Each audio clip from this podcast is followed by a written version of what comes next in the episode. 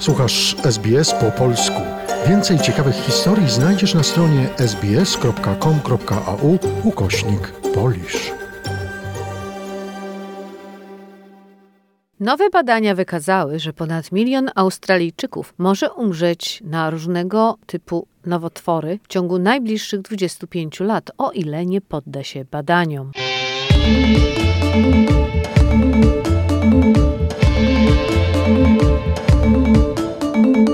Nowe badania wykazały również, że liczba nieczerniakowych nowotworów skóry w Australii stale rośnie z roku na rok, pomimo udanych kampanii edukacyjnych dotyczących ochrony przeciwsłonecznej. Według badania przeprowadzonego przez profesor Catherine Olsen z Instytutu Badań Medycznych, wzrost liczby przypadków o 2 do 6% każdego roku w ciągu ostatnich trzech dekad był napędzany przez osoby w wieku powyżej 55 lat. Profesor David Whiteman, autor badania z Instytutu Badań Medycznych, powiedział, że pomimo silnych komunikatów w Australii wzrost zachorowań jest spowodowany uszkodzeniami słonecznymi u osób w starszych grupach wiekowych, którzy w młodości byli narażeni na działanie promieni ultrafioletowych. Dobrą wiadomością jest to, powiedział profesor David Whiteman, że nigdy nie jest za późno na stosowanie ochrony przeciwsłonecznej i że nawet osoby po 40, które codziennie zaczynają stosować filtry przeciwsłoneczne, mogą zmniejszyć ryzyko zachorowania na raka skóry. Zdaniem naukowców wzrost zachorowań może być niedoszacowany, ponieważ dane dotyczące nieczerniakowych raków skóry nie są rejestrowane w stanowych i terytorialnych rejestrach nowotworów, z wyjątkiem Tasmanii. Chociaż autorzy przyznają, że ich odkrycia były ograniczone przez przestarzałe i umiarkowane jakości krajowe wskaźniki zachorowalności,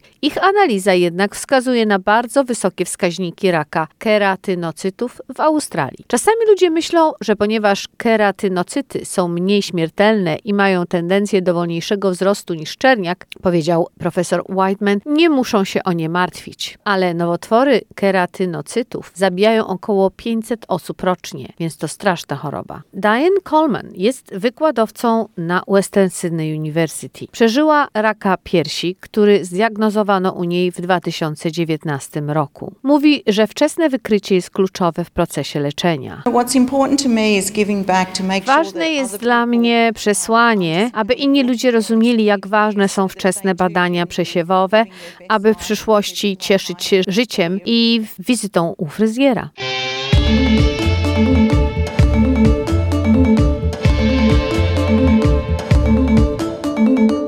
Nowe badania przeprowadzone przez Daffodil Center Cancer Council of New South Wales i University of Sydney ujawniają, że liczba nowych przypadków raka w latach 2020-2044 ma przekroczyć 4,56 miliona. Przewiduje się, że w tym samym okresie 1,4 miliona Australijczyków może umrzeć na raka. Pomimo tych liczb, które odpowiadają za przewidywalny wzrost i starzenie się populacji, rzeczywisty wskaźnik zachorowań na raka spada. Profesor Karen Karen Canfield z Uniwersytetu Nowej Południowej Walii mówi, że należy zrobić więcej, aby zmniejszyć obciążenie chorobami i potencjalnie uratować setki tysięcy istnień ludzkich. So really in... Potrzebujemy inwestycji w programy profilaktyczne, propagowanie zdrowego stylu życia, utrzymanie zdrowej masy ciała i aktywności fizycznej. Potrzebujemy również ciągłych inwestycji w nasze doskonałe programy badań przesiewowych, które naprawdę musimy upewnić się odpowiadają na potrzeby wszystkich Australijczyków Australijczyków, dzięki czemu możemy zwiększyć udział i oczywiste bieżące inwestycje w leczenie raka. Profesor Canfield mówi, że wczesna profilaktyka, wykrywanie i leczenie jest szczególnie ważne dla osób pochodzących z różnych środowisk kulturowych i językowych, a także ze społeczności rdzennych narodów, które napotykają bariery w dostępie do usług opieki zdrowotnej.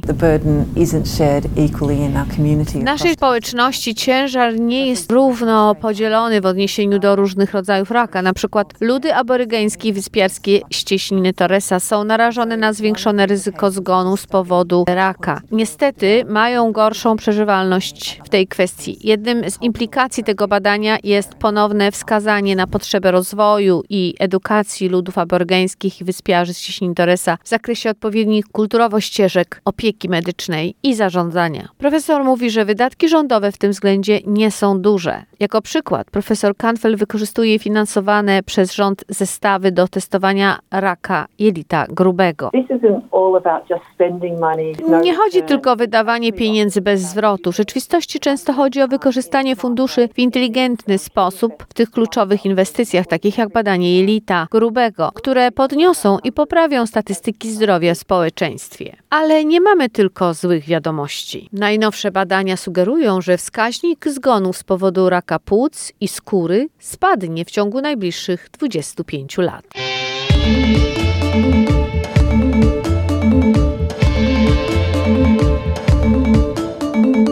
Materiał Sanil Awasi z SBS Newsroom opracowała i czytała Joanna Borkowska-Surucić.